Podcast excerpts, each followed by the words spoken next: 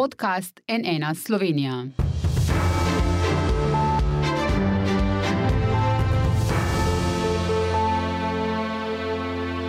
Dobar dan, to je NN studio. Čeprav smo sredi poletja, so številke novih okužb s koronavirusom precej visoke, okoli 50 krat više kot lani v tem času. Kaj nas čaka jeseni, kakšne ukrepe lahko pričakujemo, je država na to pripravljena in kako? O tem z vodjo Centra za nalezljive bolezni na NJZ in tudi novim vodjo nove posvetovalne skupine za COVID-19, gospod Marijo Fafangel. Dobar dan, dobrodošli. Lepo pozdravljeni, hvala za vabilo. Včeraj je bilo potrjenih eh, novih okužb 1627, lani na ta dan 73, eh, sedemdnevno povprečje je kot rečeno okoli 50 krat večje eh, kot lani. Kakšna je pravzaprav po vaši oceni epidemiološka situacija v Sloveniji trenutno?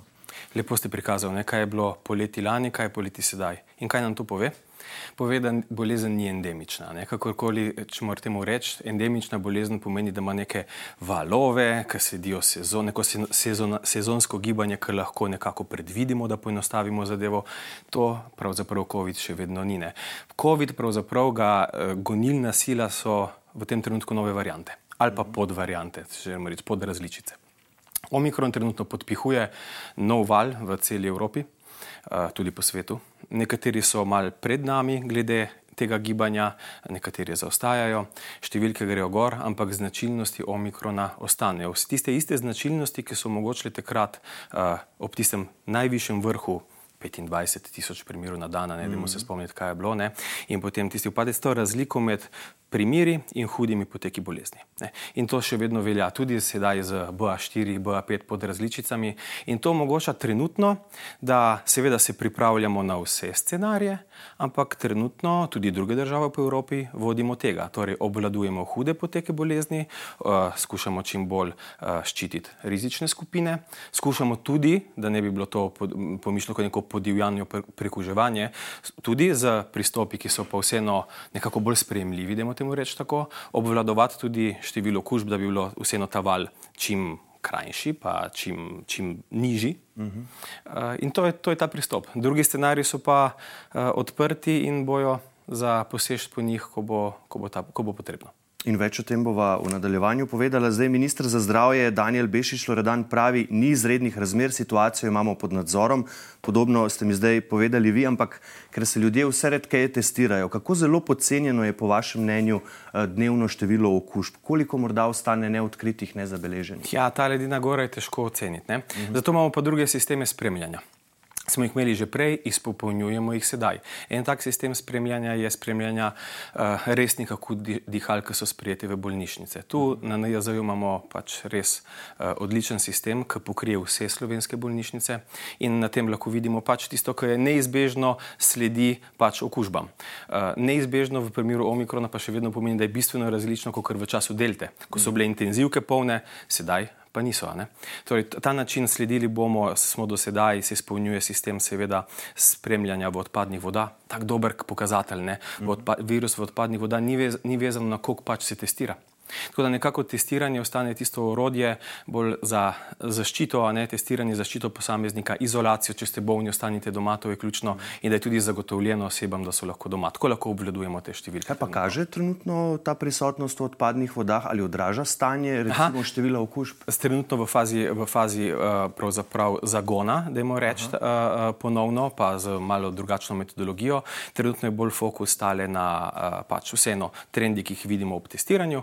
In in trendi, ki jih vidimo sedaj v bolnišnicah. Intenzivne enote so pa še eno posebno sistem spremljanja, ki je tudi sedaj ključnega pomena. Zdaj, včeraj zvečer je bil en zaplet s COVID sledilnikom, ki je povzročil kar precejšen vihar, zlasti na Twitterju. Eh, kjer ste tudi vi prisotni in ste se odzvali. Ja. Eh, zdaj bodo nekaj zadnjih podatkov sledilnika videli tudi ja. Eh, naši gledalci. Ta graf je zelo zgovoren, ampak ta zaplet je bil zelo hitro razrešen. Ne? Sledilnik včeraj ni dobil podatkov z Ministrstva za zdravje. Vi ja. ste napovedali, da boste urgirali, ampak je vmes že ministrstvo pojasnilo, da je šlo za nesporazum. Torej, kar se tiče sporočanja podatkov, se ne spreminja nič.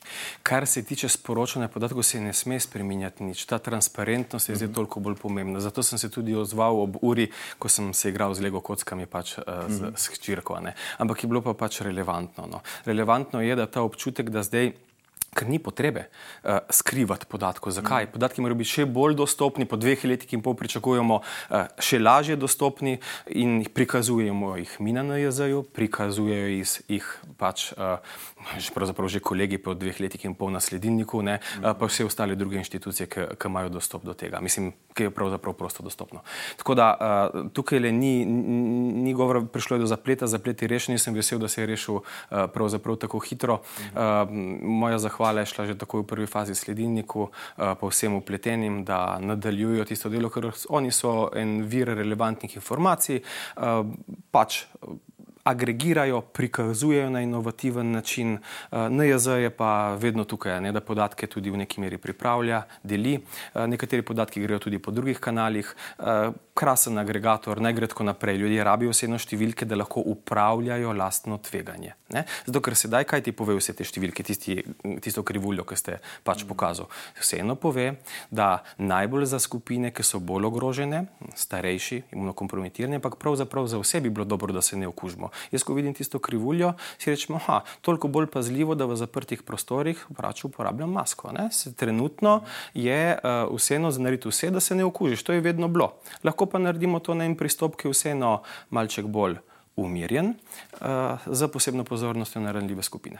Pa trenutno sploh kakšni ukrepi veljajo? Ne? Kakšna so vaša priporočila, poleg tistih klasičnih higiena, kašla, razkuževanje ja. rok, cepljenje, ja. izolacija, zračenje? Ja, kako, mislite, kako, kako mislite, uh, poleg klasičnih? To so priporočila. Mm. To je to, kar je. Če še kaj zraven, ja, gremo skozi, ampak uh, cepljenje še enkrat, z enim poživitim in odmirkom, za celotno prebivalstvo je bilo, ne, da, škočo, da, da, da ne bomo šli v, v, v prevelike detajle, ampak tisto je osnova. Še danes, če odprete pa podatke, podatke uh, na strani NJZ-ja, ker boste najdel pa dashboard, ki vam bo pokazal tveganje za hospitalizacijo po starostnih skupinah. Boste videli, da tam do 60, mm, recimo, ne, tega, to tveganje pravzaprav je uh, izjemno majhno ne, uh, in tveganje potem v starejših starostnih skupinah, torej za hud potek bolezni, se viša. In kar imate še na NJZ-ju, sedaj lahko pogledate tudi, kako je to po cepilnem statusu, vsaj za sedaj je, je, je, je tako. Uh, in vidite spet, da necepljeni so tisti, ki imajo največje tveganje. Uh mhm. In to se zdaj dogaja. Drugi podatek, ki je relevanten, mogoče tukaj izpostavljati, ker, ker reči, da ja, vse je v redu, ampak podatki. EPISARI, torej to smo, smo omenili prej, mreža spremljanja hospitalizacij za hudo okužbo dihal v slovenskih bolnišnicah. Kaj nam kaže v tednu, ki sega tam do 26. Hm? Te podatki, uh, podatki so dostopni do tega, do tega dneva. Da pravzaprav uh, sprejemi za akutne okužbe dihal, ne, resne akutne okužbe dihal, so tam okoli 200, malo mal na vzgor zaokrožujemo, okay, po, uh, celokupno. Tale delež, recimo, ki je pa na podlagi COVID-a, je nekoliko višji, tale pa v porastu. Ampak še vedno številke niso niti približno primerljive s tistimi poletnimi. Mm. Poleti ste rekel, koliko je bilo malo okužb, ampak takrat so bile bolnice bolj polne. Mm -hmm. Dajmo se tega zavedati. Ne? Torej, bistveno manj okužb, ampak res bistveno manj okužb. Ampak pritisk breme hudega poteka bolezni višji višje, kot pravzaprav danes. Ne? Mhm. Zdaj, eh, nekaj ste že povedali o teh dveh novih podrazličicah, Omikrona BA4 in BA5, ki v bistvu povzročata trenutno stanje ne samo pri nas, ampak po Evropi, tudi svetu. Kaj vse morda ne bi bilo slabo, če poveva, kaj vse že vemo zdaj o njunih značilnostih, so kakšne posebnosti pri simptomih, pri kužnostih, pri kužnosti, kako nevarni sta ti dve eh, podrazličici? Torej, še vedno gre za omikron in gre za podrazličnice. Eh, in seveda imajo neke značilnosti, ki so omogočile tako, da res uh, grobo predominirajo, nadvladajo nad ostalimi.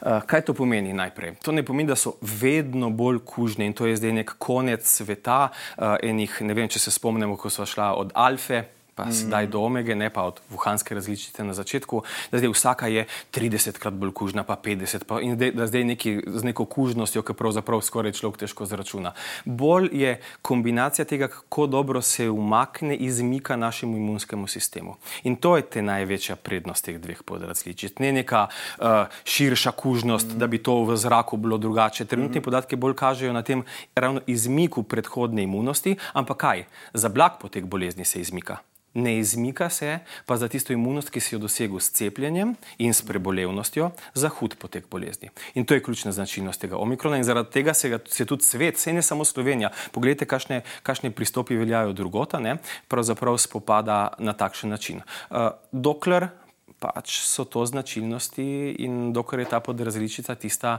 ki prevladuje, tista, ki se tako obnaša. Ko bojo novosti, bo potreba pa pač sešti po drugih scenarijih. Zdaj, eh, o tem je pisal tudi imunolog dr. Alois Ihan v posebni odlični kolumni za N1. Eh, dal je dober, zanimiv naslov Omikron, saksofon, mesec, kontrabas. Pisal je seveda o tem, da je imunski odziv pri teh podrazličicah Omikrona bistveno manjši, kratkotrajnejši in da s tem virus na razpolago za širitev dobi domala vso človeško populacijo. In zdaj citiram. S tem pa smo dobili virus, ki lahko v dveh ali treh valovih letno okuži večino ljudi. To je pojav, ki je epidemiološko nekaj posem novega in v tem trenutku ni epidemiologa in še manj infektologa, ki bi si upal trditi, da je tak način življenja z virusom dolgoročno zdravstveno vzdržen. Kakšen način življenja ali pa če rečem drugače, plesanja z virusom je torej vzdržen po vaše? Ja. Uh... Krasne besede, kot ponavadi, pro, profesor Han. Uh, in kako ste rekel, odlična kolumna, da je ena. Uh, kar, kar, kar, kar je pomembno vedeti tukaj, je, da pri uh, ponovnih okužbah je še precej neznanka, ne, bodo iskreni. In vseeno, zdaj se generira pravzaprav tako toki mišljenja so različni, ima v strokovnih krogih se to enostavno podebatira. Veš, se ponavadi podane znanke mm. um, in vsi vejo, da eno, eno trdno stališče ali pa drugo, vse ima pač uh, pro et kontra, ne, pluse in minuse. Zdaj tako uh, pa razlagati pa prebivalstvo vse te neznanke ne, in trdno, ter, vehementno trditi, recimo uh, okoli reinfektov, uh, zelo neko velika gotovost, da zagotovo se bomo prekuževali. Eni trdijo tudi, da bi se lahko vem, na dva, tri tedna kar ne prestano prekuževal. To ni strokovnih osnov, da bi se to trdilo. Pač, ja, ponovne okužbe so opisane, ponavadi ali anekdotno, uh, ali pravzaprav v drugih, um, da jim rečem, um, v sporadičnih primerih, kjer ponavadi so tudi druge težave z imunskim sistemom, osebe zadnji, da so tako pogoste. Tako da še vedno velja sledeče. Uh, imunost za hud potek bolezni drži, še vedno drži. Ker to vidite po, po številkah. Ne? Še enkrat, ob tašnem številu primerov, če ne bi držala ta zaščita, ja, pravzaprav bi bile bolnice v čisto drugačnem stanju in intenzivne, enote intenzivne terapije tudi v čisto drugačnem stanju. Kot tudi, so, če kot sem, se upravičujem, tudi ja, ja. če sem poživitveni odmerek prejel že več kot pol leta nazaj. To je še pa vedno... študija um, objavljena tudi strani NJZ-ja, oziroma ekipi na NJZ-ju, vodila je nacionalna koordinatorka cepljenja, uh, dr. Marta Grbič Vitek in imate eno lepo raziskavo tudi na slovenskih številkah. Je tudi študija o, v um, New England Journal of Medicine Respiratory Disease, se mi zdi, ki je pokazala, da po treh mesecih naša študija kaže tudi, da do šest mesecev v vseh starostnih skupinah ni pomembnega waninga, to pomeni ni pomembnega upada zaščite proti hudem poteku bolezni. In to je bila mhm. narejena študija v času, smo jo naredili v času omikrona. To je najbolj pomembno, mogoče sedaj komunicirati. No, veste, na začetku se je upalo, da bo cepivo Lahko provokatorno rečem tukaj, ne, ker je bilo tudi takrat ena afera, ne, um, kako je bilo da, da, sterilizantno, da se reče. To pomeni, da a, veš, ni virusa. Takrat je bila zlorabljena ta beseda za, za ene druge, spet za, za generirati preplahne. Ampak uh, upali smo, torej, po domače povedano, da, da preprečuje totalno okužbe. Ne? In s tem tudi nadaljne prenose. Zdaj smo v, v drugi fazi, še vedno dobro ščiti proti, uh, in to je enostavno. Tisto, kar cepivo mora narediti, je prepreči, pre, pre, da hudo zboliš. To dela. Tisti, ki so trikrat cepljeni, imajo odlično zaščito proti tem. Tisti, ki so imunokompromitirani, že sedaj se jim svetuje že drugi poživitveni odmirek. Zdaj v kratkem bo se stajala tudi posvetovalna skupina o cepljenju. O cepljenju profesor Inhan je tudi vodja. Aj, to je, to je spoiler, ne? Ja, ja, seveda. Uh, seveda v naši uh, delovni skupini za, na področju cepljenja, mhm. nobena skrivnost je jasno, da je z nami uh, zaradi ekspertize in znanja, ki ima na tem področju. In seveda se bo videlo, kako še naprej usmerjati priporočila za drugi poživitveni odmerek. Ponavadi se sliši, da se govori o četrtem odmerku, ampak ni vedno četrti. Drugi poživitveni da. odmerek je bolj, je bolj primeren izraz. Pa se morda v tem času že nakazuje kakšna nova podrazličica, je možno govoriti, kaj se bo z virusom dogajalo zdaj do jeseni? Ena nova podrazličica se nakazuje, uh, ampak uh, je tudi VHO dal en, en statement, mislim, da včeraj ali dan prej, uh, ampak ni še, ni še dovolj informacij za mhm. komentirati, kako bi delovala glede imunskega pobega ali kako bi delovala glede hudega poteka bolezni. Tako da tole je sedaj tisto, s katerim se, se konja. Še vedno pa bi šlo za eno novo podrazličico omikrona. Mhm. Ali res više številke zdaj poleti pomenijo manj okužb jeseni, ker bo večja prekuženost? To... Ne. to tisti, ki se ukvarjajo z modeliranjem eh, eh, poteka epidemije, eh, konkretno Matjaš Leskovar je omenil to možnost, da bi, da bi to dejansko pomenilo to. Možno je, kot vedno pri modelih. Mm -hmm. uh, gospod Lehskovar uh, pač vse ima izkušnje, mislim, da to, to tudi že zadnje dve leti in pol uh, pač modelira in ve, da so plusi in minusi. Mm -hmm. Še enkrat tam, mogoče tudi enkrat je bilo nekaj trditev o, o endemičnosti, tole ne eno, ampak uh, glede tega pa, da bo blažje je odvisno. Če virus ostane takšen, kot je, ta podrazlična predominantna, lahko je, ker boš imel boljšo zaščito tako proti okužbi, uh. -huh. kot proti hudem poteku bolezni, ki še vedno imaš. Če pride nova podrazličica, ker je imunski pobeg drugačen, bo drugače. Uh, ampak seveda, ne, to, da je pul imunosti prebivalstva višji, je po eni meri dobro potem za naprej. Eh, ne moreš pa trditi, kako bo tole, kako bo tole vplivalo. Še enkrat, trenutno se vidi, ni nekega sezonskega gibanja, ne? tudi tole precej to epidemiološko razmerje, ki se bolj na odprtem prostoru malo pomaga, ne ponavadi za, za omejevanje respiratornih okužb, ne pa pravzaprav čisto uh, kompletno pri, pri, pri COVID-u, kar, kar vidimo vsak dan. To pomeni, da je ta driving force, ta gonilna sila je bolj podrazličica ne? ali pa nova različica, ki se nekako našemu imunskemu sistemu izmika. Zdaj, če usmeriva malo pogled uh, v jesen, ko ste bili skupaj na novinarski konferenci z ministrom, uh, z gospodom Erženom, ste nekako vsi skupaj rekli, da jeseni hujšega ne pričakujete. Uh, verjetno na podlagi tega, kar smo ravno kar povedali, ampak kaj to pomeni konkretno za ukrepe? Kateri scenarij uh, ukrepov je trenutno najbolj verjeten? To tudi ljudi seveda najbolj zanima. To je jasno, tudi, pa tudi med mogoče jih malo naprej napovedane. Se smo že rekli, se mi zdi, to smo pa rekli javnosti, da bo posve, nova posvetovalna skupina predstavila nekako te scenarije in ukrepe z njimi povezani v sredini avgusta. Uh -huh. To je bilo rečeno. Uh, in zdaj smo trdno na delu na tem. Demo tudi razumeti, da skupina se je sestavila en teden nazaj, smo imeli ustanovitveno sejo uh -huh. in zdaj pravzaprav smo razdelili delovne pakete, ki so v uh, finišu sedaj finalizacije, bojo uh -huh. predstavljene naslednji teden uh, s člani in vsem v detajlu. In pravzaprav uh, zdaj se pa lotimo scenariju. Jaz, kar lahko danes tukaj naredim, tudi prejudicira delo skupine, je zelo nehvaležno, pa tudi nefer do kolegov. Ampak nekaj informacij ali pa uh, ja, javnosti lahko pa vseeno podava danes. Uh, scenarija pravzaprav dva. Ne? Eden je tisti osnovni, je tisti scenarij, v, v katerem pravzaprav živimo sedaj. To pomeni. Omikron pod različica B4, B5, nekako hudi poteki bolezni še vedno so nesorazmerno nizki v primerjavi z okužbami, torej fokus je preprečevati hude poteke bolezni, zaščititi rizične skupine in zmirno, ampak, ampak vseeno pomembno zmirno vseeno omejevati število okužb, ker še vedno je vseeno pandemija v, v, v svetu. Ni zdaj to normalna sezona, uh, kar tako. Mm. In tukaj je paket takšen, ki je uh, tistih pet ki smo, uh, ukrepov, ki smo jih uh, pravzaprav šli danes že skupaj skozi, uh, poudarjenih. Uh, sem prepričan, da skupina bo dodala še mal širši paket, pa tudi bo dodala, veste kaj, sistemska priporočila odločevalcem. Ker če jaz vam rečem zračenje, ja, ampak koliko je v kontroli, kontroli samega posameznika, kakšenkrat zračenje v nekem prostoru. Ni, ne. Tako da treba mogoče pomisliti sistemsko in taka priporočila bojo tudi šla segala v kakšna sistemska predloge, ne posamezniku, ampak tisti, ki res lahko odločajo in kaj naredijo, da, da, da je tole pač um, nekako dostopno ali boljše organizirano. Da taki sistemski pristopi v, v prvem scenariju, drugi scenarij pa pomeni tisti scenarij, kjer je ta, to breme za hude poteke bolezni ali kakšne nove značilnosti virusa, pre, predvideti ne moramo vse, lahko se pa pripravimo pravzaprav na vse.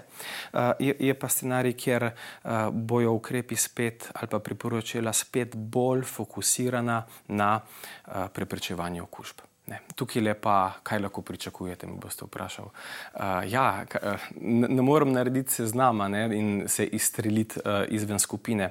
Ampak lahko pa poveste, se upravičujem, česa ne bo. Česa zagotovo ne bo. Česa zagotovo ne bo. Recimo. Uh, ne. Kaj pa če bi rekla? Uh, Policijske ure ne bo, zapiranja v regije, v občine ne bo ali bo, ali je možno. V scenariju 2 z omikronom, kot ga poznamo, to ni eden izmed ukrepov, ki bi imel pravzaprav smisel. Uh mhm. -huh. In tako da take strahove po dveh letih in pol vsega tistega, ki je bilo za nami, pa brez da bi delal, a veste, revizionizem za nazaj. Uh mhm. -huh. Epidemiološka slika je bila kompletno drugačna. Ne, pristopi so bili drugačni.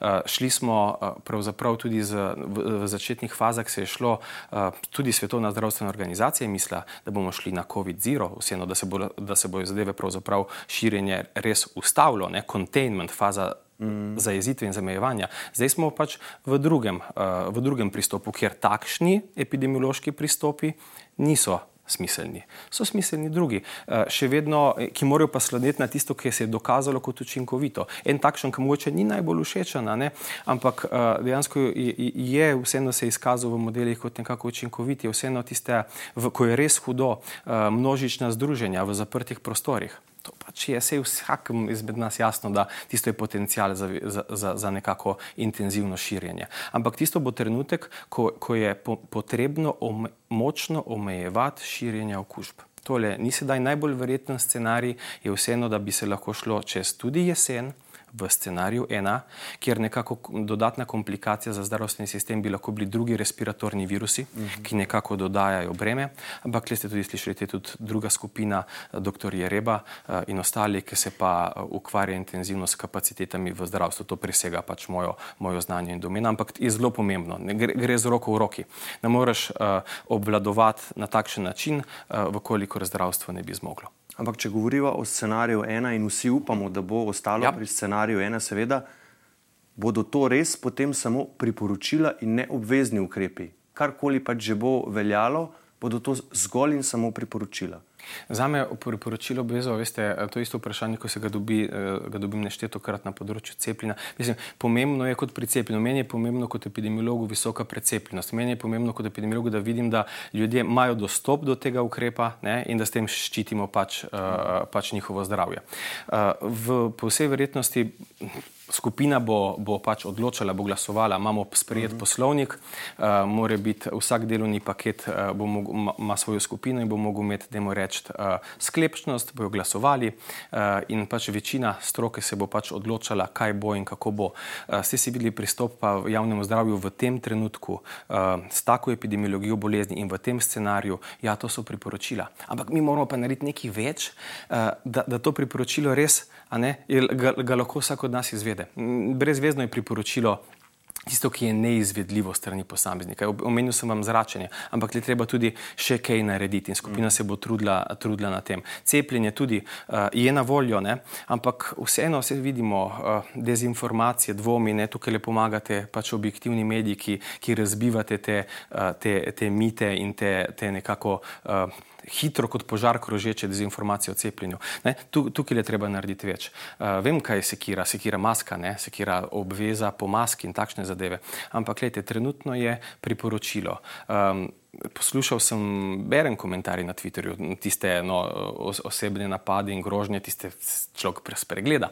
Ampak tiste, tiste so pa konstruktivne in uh, ta trenutna skupina je eminentno multidisciplinarna, gleda tudi ne iz zdravstvenega vidika, tudi iz drugih vidikov to, kar dogaja. Masko sem se kar sposodil idejo uh, in jo posvojil. Je zelo pomembno, da imaš v žepu, če jo hočeš uporabiti, ko prideš v natrpan, uh, zaprt prostor. Ne? In tle mogoče je treba pomisliti tudi z drugim drugo, z drugimi uh, deležniki, kako narediti, da bi ratela ta vzanca, da imaš mas, masko v, v žepu. Ne? Kako lahko na ne preveč obremenjujoč način ali pa ne preveč grozeč način vseeno uh, nekaj naredimo, a je to promocija ali je to kaj drugega, da imaš vseeno to masko v žepu. Ne? Tako da boš, ko boš prišel v situacijo, ko si v natrpanem prostoru, opa, to, to, to se je meni dogajalo zdaj na zadnji službeni poti, um, to je bil pa ja, pot ECDC v Pariz, ampak ravno to. Um, več oseb si videl, ki nekako to uh, je ponotranilo. No, pri, nas pa, pri nas pa samo tu in tam, kar lahko rečem. Malo čudno te gledajo, kaj še enkrat.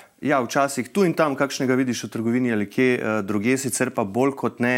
Ne, ampak maske ljudi ravno najbolj zanimajo. Tudi sami ste rekli. Zdaj, premijer Golop je zelo samozavestno napovedal, da jih v šolah ne bo. Uh, Kaj pa maske v drugih zaprtih prostorih, zlasti zdravstvenih ustanovah, pa tudi trgovinah, benzinskih servisih, v notranjosti lokalov, bo to vem, jeseni lahko spet naša realnost? Jaz lahko povem, da uh, ste izpostavili šolene. Da so bila, bile velik. Uh, hm, Ne kamen spotika, ampak pravzaprav uh, uh, zelo ključno področje, na katerem je bilo zelo pač težko uh, ja, najti naj prav, pravo ravnotežje. Ne? Svet posod po Evropi so se nekako trudili, pristopi so bili uh, ekstremno drugačni. Mm -hmm. uh, govorim o maskah pri vseh, tudi recimo v Italiji, z, pri mojite mali v, uh, v vrtcih oziroma vzgojiteljce v vrtcih in tako naprej. Ne? Tako da vsak se je lotil na, na drugačne načine. Mislim, da zdaj smo prišli do spoznanja, da, da v šolstvu uh, to ni pravzaprav tisti ukrep, ki je. Mm sprejemljiv, vedno tehtamo, ne? tehtamo, kako zaščitiš, in pač tudi sprejemljivost in implementacijo in vso ostalo škodo. V šolah je primarno zračenje po, vse, po, po vsem vidiku in takšen je tudi pristop, ki si bi ga jaz, zdaj pa moram um, iz vloge um, vodje posvetovalne skupine biti sam kot Marijo epidemiolog, ker ni fair, da to nalagam uh, skupini ali kakrškoli pritisk. Jaz mislim osebno, osebno uh, da je ta pristop zračenja tisti te pravi za šole. Drugi strokovnjaki, ki so eksperti, še bolj kot jaz na področju higiene, uh, pa pravzaprav šolstvo in tako bojo še boljše dopolnili zagotovo to mnenje skupine. Če me vprašate, je to, uh, je to tista prava pota. Uh, in, in, in na takšen način uh, se bomo odločili. No, tukaj imate tudi tveganje v, v, v otroci, ker še nekaj, če damo kakšno lepo novico danes. Da kljub uh, visokemu številu okužb, uh, mlajši so imeli vedno majhno, majhno verjetnost, ne dajmo reči za hud mhm. potek bolezni. Uh, en, eno med bolj relevantnimi problemi bili, je bil tisti misc, ne, tista inflamatorna bolezen, ki se, se je dogajala. Tudi ta je sedaj izjemno, izjemno nizka, kljub temu številu okužb tudi drugot po Evropi. To pomeni nekako ta, to tveganje, ki imajo mlajša populacija populacija pri COVID-u je nekako uh, bistveno, bistveno manjša sedaj in zato tudi ukrepi morajo biti sorazmerni in spremljivi, ampak še vedno namenjeni na, za zaščito zdravja najmlajših. Ne, to mora biti. Kaj pa maske drugot? Maske drugot v trgovinah. Um, ja, ne morem reči tako. Uh, tukaj le še enkrat, se upravičujem, če se ponavljam, mora biti ta preambula. Preambula je Marijo epidemiolog, sedaj govori. Okay. Um, Jaz mislim tako. Uh, mislim, da bi mogli rangirati, pa tudi tukaj si sposojam ene ideje, ki so mi bili blazno všeč. Uh, moglo bi biti eno, eno rangiranje po smiselnosti. Uh, tam, ker so najbolj ranljive skupine, ne? in tam, ker je glede samega, torej glede uh, skupine, ki se tam nanaša, in glede same tveganja, vezanega na okolje ne reči, zaprto, slabo prezračeno, ne, tveganje više za okužbe, uh, ali pa bolj tvegano zaradi tega, ker so pač uh, največkrat najbolj ranljive skupine tam. No, in iz tega, kaj izhaja? Iz tega izhaja uh, pravzaprav ena skaleta. Uh, in se bom mogel uh, gospodu Trohi pravzaprav uh, zahvaliti, zato ker uh, razmišljanje uh, se mi danes po noči, potem ko sem razmišljal o, o, o, teh, o teh idejah, nekako skristaliziralo. Uh, gre od uh, čakalnicah, ne, zdravstvene ustanove na splošno, to je jasno. Mm -hmm. Javni prevoz, bistveno mm -hmm. smiselen, tudi danes še marsikaj drugot po Evropi ostaja pravzaprav obveza, če smo čisto iskreni. In potem gremo lahko dol po listine. Zdaj, kje in kdaj je lahko kaj obvezno? uh, stvar razprave skupine. Za sedaj je še, je še priporočilo. Upravne enote, trgovine in vzdolj. Mm -hmm. Uh, kakšni so bili vaši pogoji, da ste sprejeli vodenje te posvetovalne skupine iz nje, ne iz iste, ampak iz to vrstne skupine, ste dvakrat do zdaj že uh -huh. izstopili? Zelo krasno, na mestu vprašanja. Uh, zato, ker ta zadeva spada sedaj v neko drugačno, nekrizno delovanje Nacionalnega inštituta za javno zdravje. In enostavno hodi z roko v roki s predstavništvom Centra za nalezljive bolezni. Zato, ker tukaj le izhaja. Pravzaprav v teh delovnih paketih, ki bojo v tej skupini, delovnik paket ena, e, e, spremljanje epidemiologija, spremljanje in odzivanje, ja, to je pravzaprav epidemiološki kolegi ki je prej, se veste, moja mnenja so bile dana, moj, mislim, naša mnenja, epidemiološka kolega, so bile, so bile podana izven, ne, nekako skupini predana, zdaj pa pač to znotraj skupine. Tako da vzvodi so enostavni. Sedaj nekako zadeve se obvladujejo v sistemu, v katerem, uh, ki je bil namenjen za to. To je pravzaprav NJZ in multidisciplinarnost pa je pod našim okriljem. Tako da to je tak uh, primeren izziv, je pa pravzaprav uh, različno od prej. Pa ne za kritično gledam, jaz sem pač hvaležen vsem izkušnjam in vsem sodelovanjem in vsem kolegom, s katerimi sem bil v obeh uh, delovnih skupinah. In mislim, da so svoje delo izdelali pač profesionalno uh, in primirno na, tisti, na tistih. Težke, ča, težke čase smo dali skozi, dve leti in pol, ki je bilo res groznih.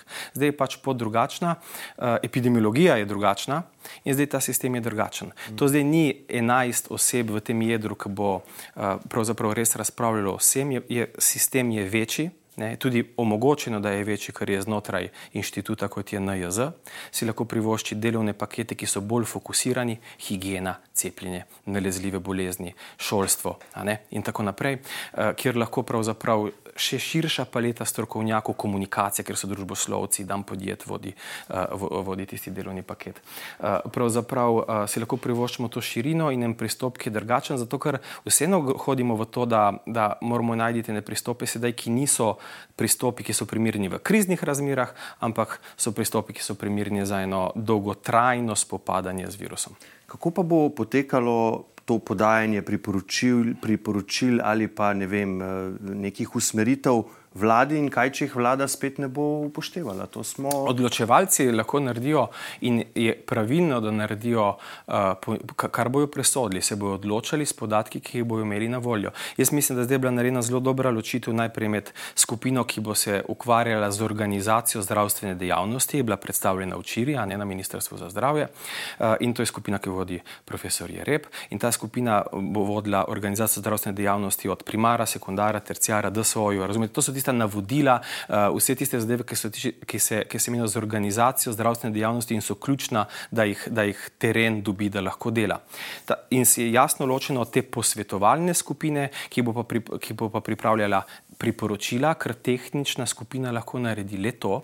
Priporočila, ki jih bomo utemeljili, zglasovali, utemeljili s pač strokovno podlago in dali na, eh, v tem primeru v skupino NMZ, direktorat za javno zdravje, ker bo pripravljeno eh, še, še eh, v obliki, pač v obliki primirni, da se odločevalci potem lahko odločajo. In to bojo, ampak razlika, razlika. kot vedno, se pričakuje tudi od odločevalcev, da bojo potem utemeljili, to smo sprejeli, to nismo sprejeli in mislim, da prebivalstvo si zasluži potem še to nismo sprejeli zaradi tega in tega in tega. In ne me razumeti narobe, uh, njihova odločitev je lahko kašenkrat pravilna, kašenkrat napačna, ampak, ampak je, pravilno, da, je, da, to, da ta mehanizem obstaja.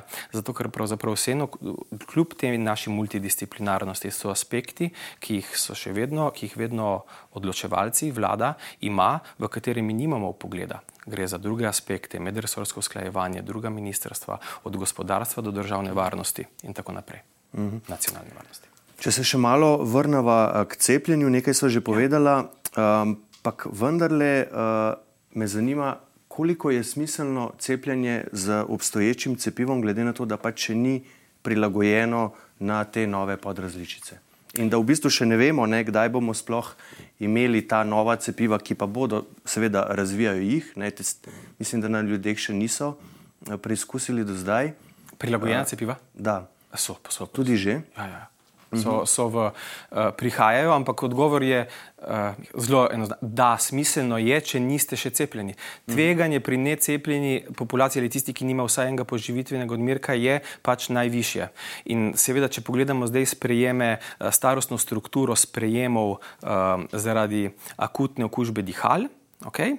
starostna struktura je 75 plus v zadnjem tednu teh so tisti, ki končajo bolno. Toda tista skupina najbolj ranljiva, ki se še ni cepila z bazičnim cepljenjem, torej z osnovnim cepljenjem, v katerem jaz prištejem tudi poživitveni odmerek, ne čaka zdaj na neka poživitvena odmerka. Če niste bazično cepljeni, pogledajte krivulje in vam je vse jasno. Sedaj se je zacepiti. Ne? Zato, ker vseeno hočeš biti zaščiten proti hudem poteku bolezni. Tisti, ki pa imajo, uh, uh, ki so cepljeni z poživitimi odmerkom, ja, sedaj ni čas za dodatne odmerke. Tudi priporočila posvetovalne skupine uh -huh. za cepljenje niso takšna sedaj. Zdaj, torej, zdaj neki čakata, ne?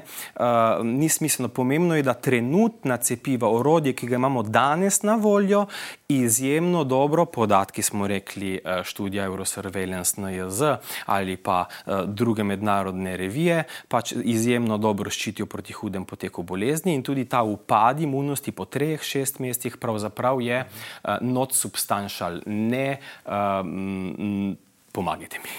Ne, ni neopremljivo. Ne, ne, ni, ni, uh, ni relevantno, ni, uh, ni, ta magnitudo ni, ni, ni visoko, no? zelo malo, pravzaprav ostane na zelo dobri ravni. To je smiselno, kar sem ga hotel povedati. Uh -huh, uh -huh. uh, razumem.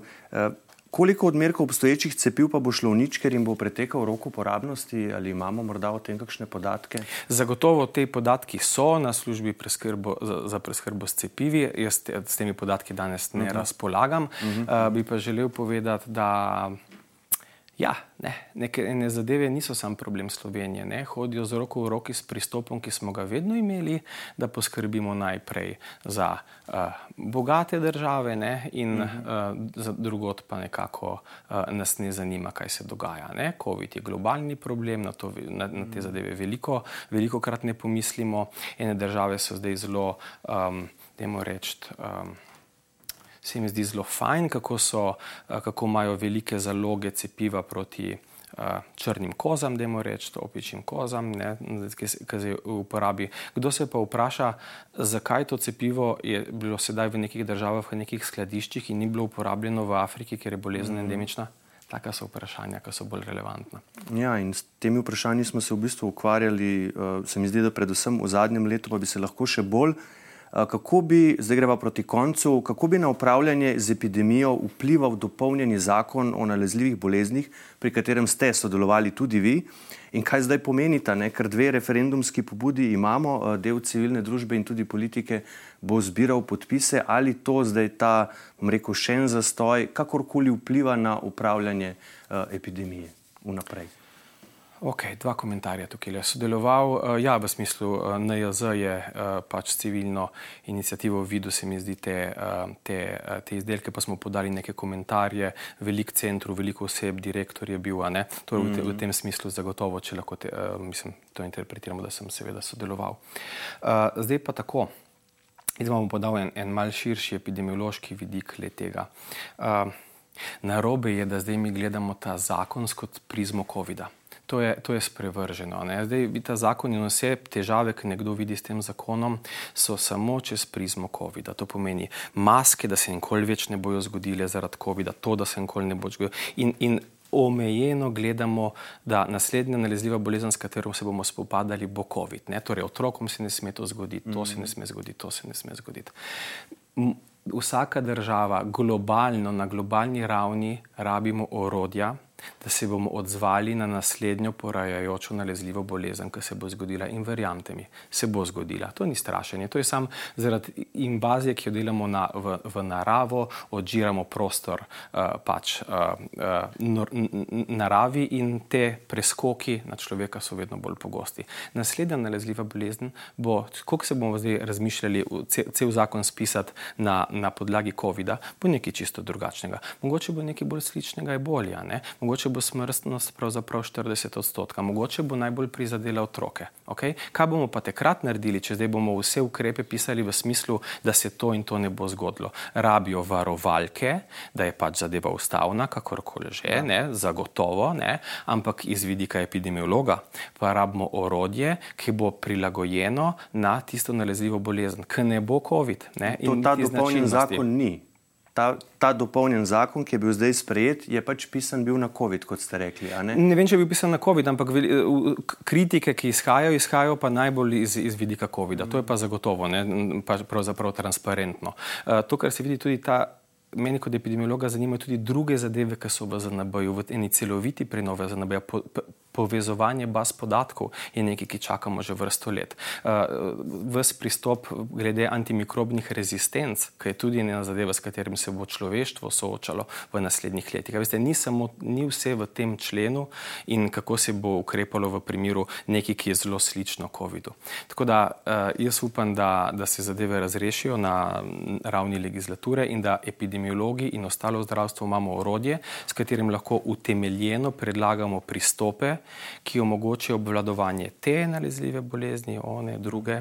Mm, to, ja, to je edino, kar je. Ministrstvo za zdravje je v bistvu napovedalo, ne, da bo šlo takoj uh, v pripravo novega krovnega Tako. zakona, torej ne samo, da se pač popravlja Tako. te člene, ki so bili dejansko spoznani za neustavne na ustavnem sodišču večkrat, a ne pač zdaj ta sprememba je, kakršna je, v bistvu kot začasna rešitev in Tako. se boste, verjetno boste vključeni v pripravo novega celostnega zakona o nalezljivih boleznih, ali ste že? Mislim, uh, da, da bo delovna skupina, kot je vedno bila v, v teh letih narejena na, na ravni Ministrstva za zdravje in da bo vključeni številni strokovnjaki, ker sem tako se bo lahko naredilo en zakon za nalezljive bolezni, ki bo tudi pripravljen za bodoče. Veste, jaz vam lahko povem milijon detajlov, ampak um, pravzaprav vse se premiga. COVID smo videli, kako je postavil na glavo potrebo po ažurnih podatkih, kako spremljanje nalezljivih bolezni ni nekaj za države v razvoju, ampak ki mora funkcionirati tudi tukaj in ki ni, ki je bilo podhranjeno. Center za nalezljive bolezni pravzaprav desetletja podhranjen in tudi sistemi z njim povezani. In pravzaprav mora biti torej nekaj agilnega. Jaz upam, da bomo in verjamem, da bomo lahko sodelovali v tej ekipi, da bomo lahko vodili, pripeljali za NB tam, kjer mora biti. Ja, pripravljen bi bil do naslednjega poletja. To so neke prve napovedi eh, z Ministrstva za zdravje. Še zadnja stvar, tudi glede posodobitve zakonodaje, recimo delo od doma. Tudi tu ni zakonodaja povsem ustrezna. Vi ste vse čas, še v času prejšnje vlade, opozarjali, ne, da je to tisti ukrep, ki bi bil uh, zelo koristen. Uh, ali je tu morda, da veste, načrtovana kakšna posodobitev? Ne? Je to sploh med prioritetami vlade? Zdaj v državni upravi je navodilo o delu od doma, zdaj nedolgo nazaj vlada kar odpravila. Komentar tukaj lahko sem en delo od doma tudi med tistimi petimi alinejami, ki sem jih izpostavil tudi že na prvi tiskovni konferenci, ja. je nekaj, kar bomo zagotovo se v skupini pogovarjali. Uh, jaz kot epidemiolog vlogo dela na domu tam, ker je možno in omogočanje le tega, ker isti koncept, nekako vam rečem za, če si boln, bodi doma ne, in mm. da se omogoči izolacija, je pravzaprav relevantno. Tako da priporočila strokovne skupine se bojo zagotovo dotaknili tega aspekta in bojo šle potem odločevali svetovalcem za nadaljno odločanje in ureditev zakonodaje. Bomo pa videli, kaj bodo pripravili, kako bodo to urejali. Eh, za danes pa gospod Marijo Fafangal, najlepša hvala za vse te odgovore, pojasnila, verjamem, da so ljudje eh, zelo pozorno poslušali. Hvala še enkrat za vaše gostovanje. Hvala vam in hvala vsem, ki so poslušali. In seveda želimo si vsega najboljšega za jesen. Tako pa je prijetno poletje, ne še prej. Tako, tudi vam hvala še enkrat. Hvala pa tudi vam, seveda, za vašo pozornost. Če ste morda začetek te oddaje zamudili, bo kmalo v celoto, celoti na voljo na naši spletni strani nnainfo.si, studija pa le še lepo zdrav in nasvidenje. thank you